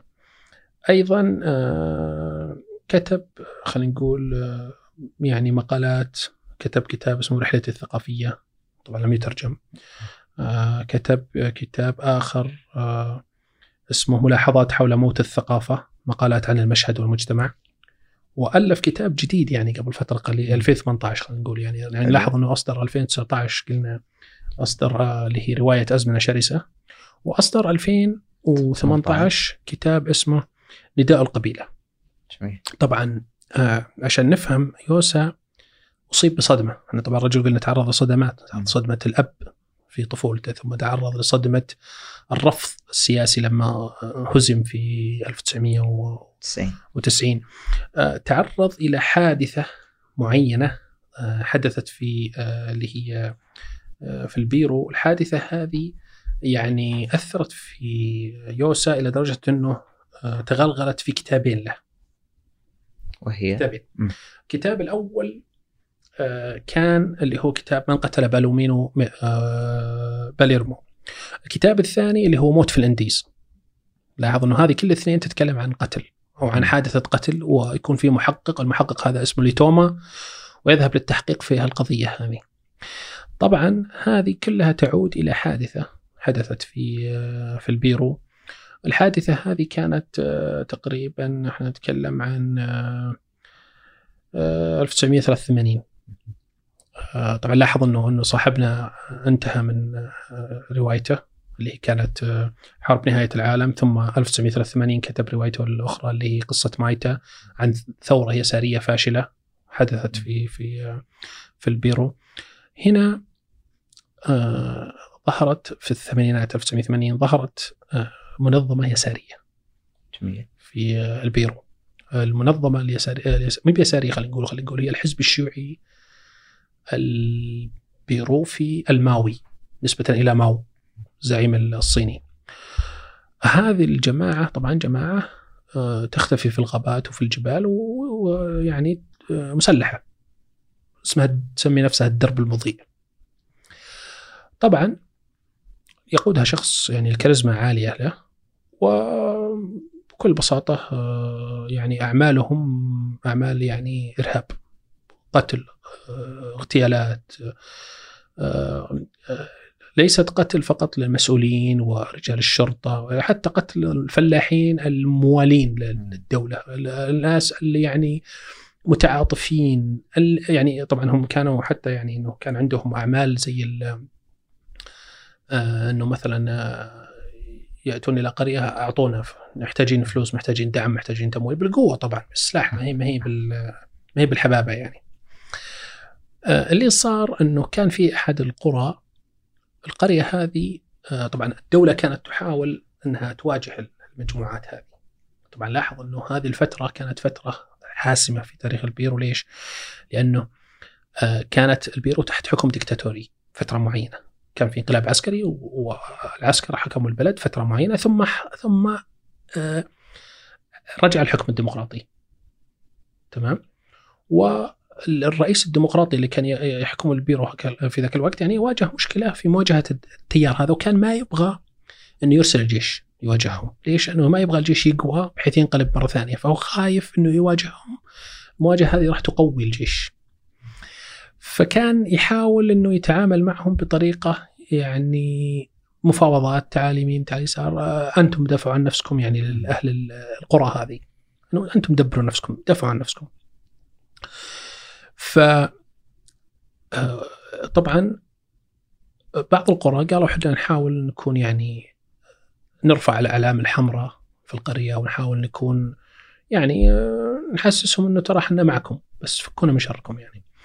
آه، في قرى أخرى قتل بعض أهلها أو يعني كان في طبعا في مجازر يعني في أحد المرات قتل 70 شخص من قرية واحدة دخلوها هذول الدرب المضيء ويعني جمعوا الناس في في الساحة ساحة القرية وقتلوا 70 شخص انتقاما طبعا انتقاما على مقتل بعض رفاق السلاح اللي عندهم في الفترة الماضية. فاللي صار في ذيك الفترة إنه صار فيه آآ آآ قتل مجموعة من المجموعة يعني مجموعة أو ثمانية أو سبع أشخاص من من اللي هم الدرب المضيء. قتلوا في إحدى القرى والحكومة فرحت إنه ليش؟ انه اللي قتلهم أهل القرية. فكان يعني إنه هذا نوع من الاحتفال إنه إنه شوفوا يعني إنه حتى الشعب بدأ ينقلب على الناس هذول وشوفوا الآن إنه بدأت ال... ف الإعلام في ذاك الوقت طبعا بحكم استعادة الديمقراطية الإعلام إعلام حر يعني بدأ يتحول إلى إعلام حر فجزء من الإعلام هذا إعلام يساري فالإعلام هذا قال لا ما ما ما صدق رواية الحكومة هذه غالبا إنه اللي قتلوها اللي قتلوهم هم الجيش بس يحاولون يعني طيب وش الحل؟ قالوا نرسل صحفيين يتحققون من. الحدث هذا هل هو صحيح حدث كما ترويه الحكومة أو إنه فيه جوانب أخرى. فأرسل آه، فذهب يعني آه، ثمان صحفيين. طبعا منطقة نائية منطقة خطيرة جدا آه، فيها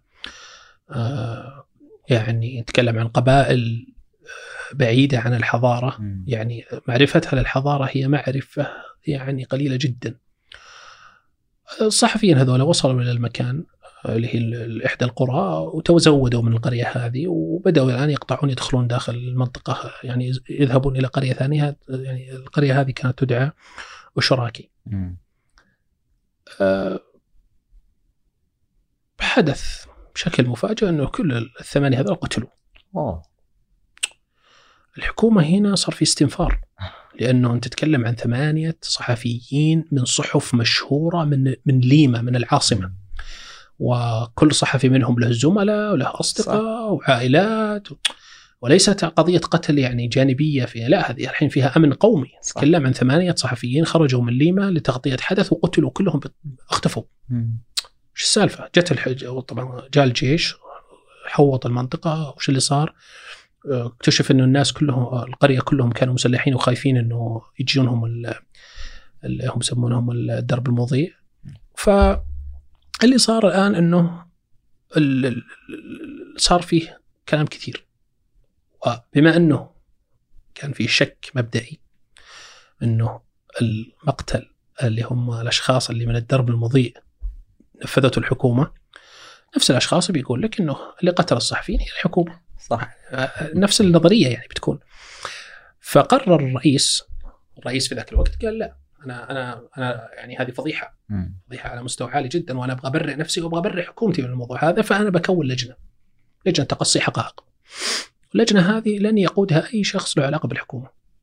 راح نجيب ناس دكاترة في الجامعات راح نجيب أكبر روائي مشهور في البيرو اللي هو يوسا ونرسلهم. روحوا أنتم حققوا في السالفة وأنتم اقعدوا مع الناس وشوفوا حققوا سووا اللي تبون.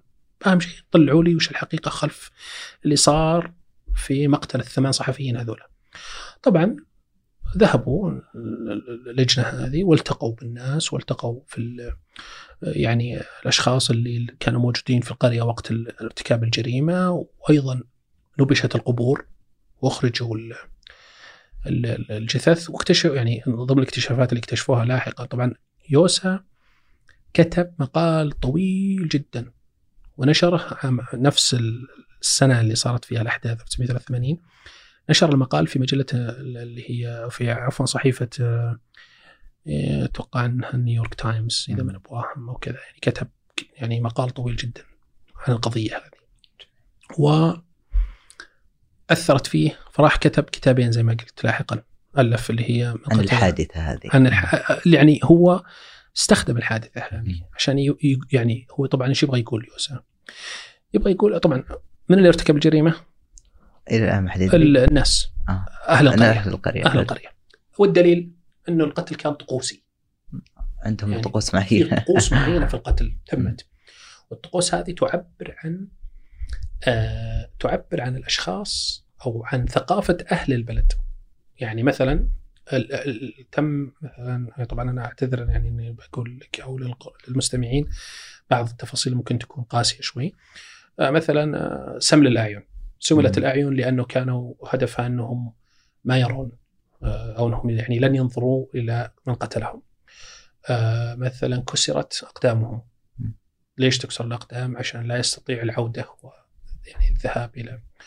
آه، مثلا آه، آه، كان فيه طقوس أخرى يعني مورست على الجثث هذه فهم لما اخرجت الجثث وشافوا الطقوس هذه بدأوا يسألون وبدأوا يأخذون معلومات ويحاولون يعرفون أكثر. فخلصت اللجنة في الأخير إلى انه القتل يعني تم من أهل القرية وأنه آه، في البداية كان يظن أن القتل تم خطا بشكل مباشر يعني سريع يعني أنه جو حادثة. حادثة يعني شيء صار يعني خلينا نقول يعني شيء ما توقع أحد. ولكن لاحقا اكتشفت آه، كاميرا كانت مع أحد اللي هو أحد الم- المصورين كان معه كاميرا في ذيك الحادثة. ويبدو إنه التقط صور أثناء بداية الأحداث. التقط عدة صور. ومن حظ يعني ما حظ خلينا نقول اللي ما اكتشف لاحقا يعني المحقق وكذا إنه الصور اللي التقطت كشفت إنه كان فيه محاولة آه، كان فيه محاولة يعني أخذ وعطاء. انه موضوع ما تم بشكل مفاجئ بالعكس يعني لأنه لما سئلوا أهل القرية ليش قتلتوهم؟ قالوا إحنا ظننا إنهم من الدرب المضيء. طيب وين أسلحتهم؟ ما معهم أسلحة. كيف يعني أنت ليش أنت ما انت ما كان في شيء يضطرك للقتل. صح. الشخص جايك ما معه إلا كاميرا وقلم وأوراق وبس يعني الأشياء الخاصة بصحفي. يعني ما في سلاح ما في كذا فالصور هذه أكدت إنه كان فيه يعني أخذ وعطاء وكان في محاولة كلام وإنه لا تم ضربهم بقوة وقتلهم. فكانت الحادثة مؤلمة جدا وقال طبعا هو حمل يوسا المسؤولية ل آه، في النهاية طبعا المسؤولية الأدبية وليست المسؤولية الجنائية، المسؤولية الجنائية يتحملها أهل القرية، بس المسؤولية الأدبية تتحملها حكومات البيرو. إنه أنتم الناس هذولا يعني طبعا هذه طرحها الفكرة عاد طرحها من جديد. يعني شوف شلون التأثير. عاد طرحها في رواية له لم تترجم للأسف اسمها The Storyteller أو خلينا نقول الراوي. إنه بطل الرواية هذه أو عفوا بطلين للرواية. أحدهما دكتور في الجامعة يرى إنه يعني يجب آه خلينا نقول يجب الحفاظ على الناس هذه. أهل اللي هم خلينا نقول السكان الأصليين اللي عايشين في الغابات أو عايشين في الأماكن النائية. الحفاظ عليهم كما هم بثقافتهم وخرافاتهم وكل الأشياء اللي عندهم. يعني خلهم زي ما هم. لا يعني كأنهم يتحولون إلى كائنات متحفية. تروح تزورهم تشوفهم. يروح علماء الانثروبولوجيا يجلسون معهم شوي يتكلمون معهم. بس يعني هذا أكثر شيء. آه في المقابل البطل الثاني هو شخص قرر إنه لا. أنا لازم آه، يعني أندمج معهم. فراح أندمج معهم ودخل وعاش معهم وصار هو الراوي هو ستوري تيلر لهم. هو الشخص الذي يروي قصصهم ويروي ويستخدمها في تغييرهم نوعا ما أو إعادة يعني خلينا نقول ربطهم في العالم. ف يوسا يعني خلينا نقول القضية هذه اثر لأنه طبعا جاء هجوم بحكم إنه هو من اللجنة اللي أصدرت كلام غير مقتنع. يعني خلاص الناس في ناس حاطة في بالها إنه هذا العمل حكومه ما في كلام. خلاص انتهى الموضوع. يعني حكم على ال...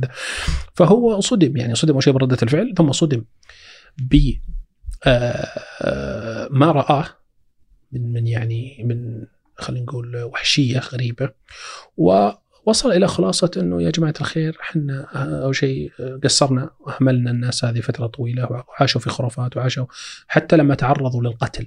وتعرضوا للخوف والإرهاب ما تدخلنا ننقذهم إحنا قلنا لهم دبروا أنفسكم. فالآن هم دبروا أنفسهم.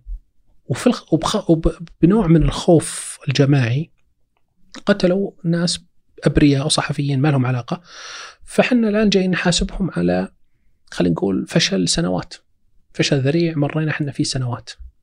ف يعني الكاتب مهموم كاتب مهموم بهموم ثقافته بهموم شعبه بهموم وتلاحظ أن هذه الهموم تعود أكثر من مرة تعود تظهر يعني يعني يعني يعيد طرح الفكرة أحيانا ولكن بتجديد وإبداع.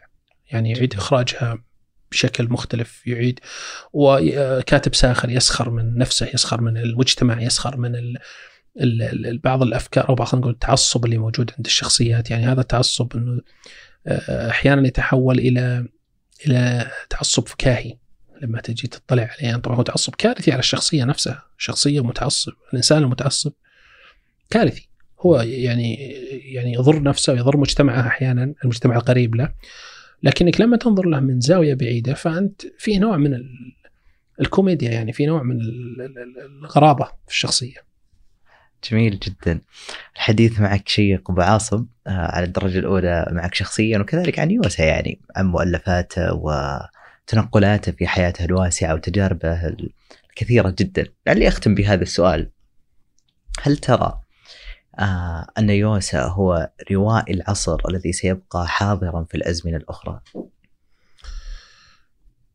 آه، بقاءه كروائي أنا أرى أنه سيبقى إن شاء الله يعني يعني سنوات طويلة يعني لقراء قادمين يستفيدون منه ويقرؤونه.